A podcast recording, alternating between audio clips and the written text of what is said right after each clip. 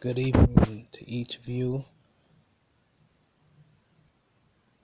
In God's love and grace and light, I greet you to encourage you to keep going, to keep pressing, to keep enduring until it all turns around.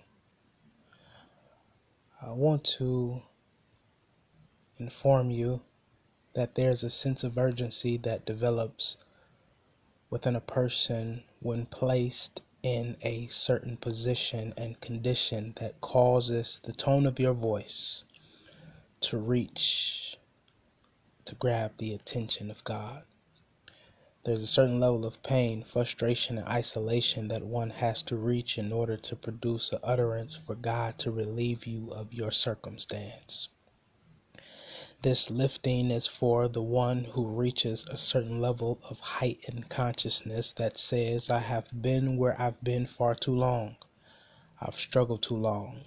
The lack thereof has been my friend too long, and I have to get out of this place of restriction.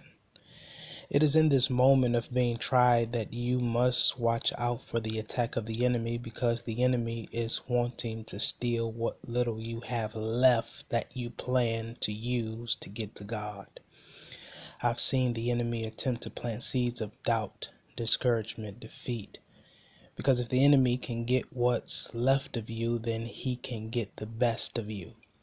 The enemy does not want you to use what God has placed on the inside of you because the enemy knows that if you are successful at using the creative ability to reach God, then there's a good chance that suffering will be defeated, doubt will be defeated, and defeat itself will have to die. If you use what's on the inside of you to connect with God, you can rest assured to know that families will be restored, your future will get better, and your life will never ever be the same. So, beloved, I want to remind you and tell you that use what's on the inside of you to create something that will serve the masses.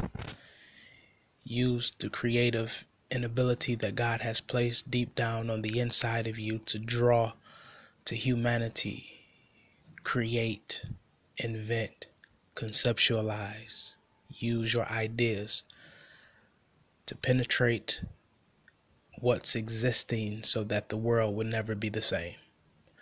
All right, go in love, go in life. See you soon. Peace.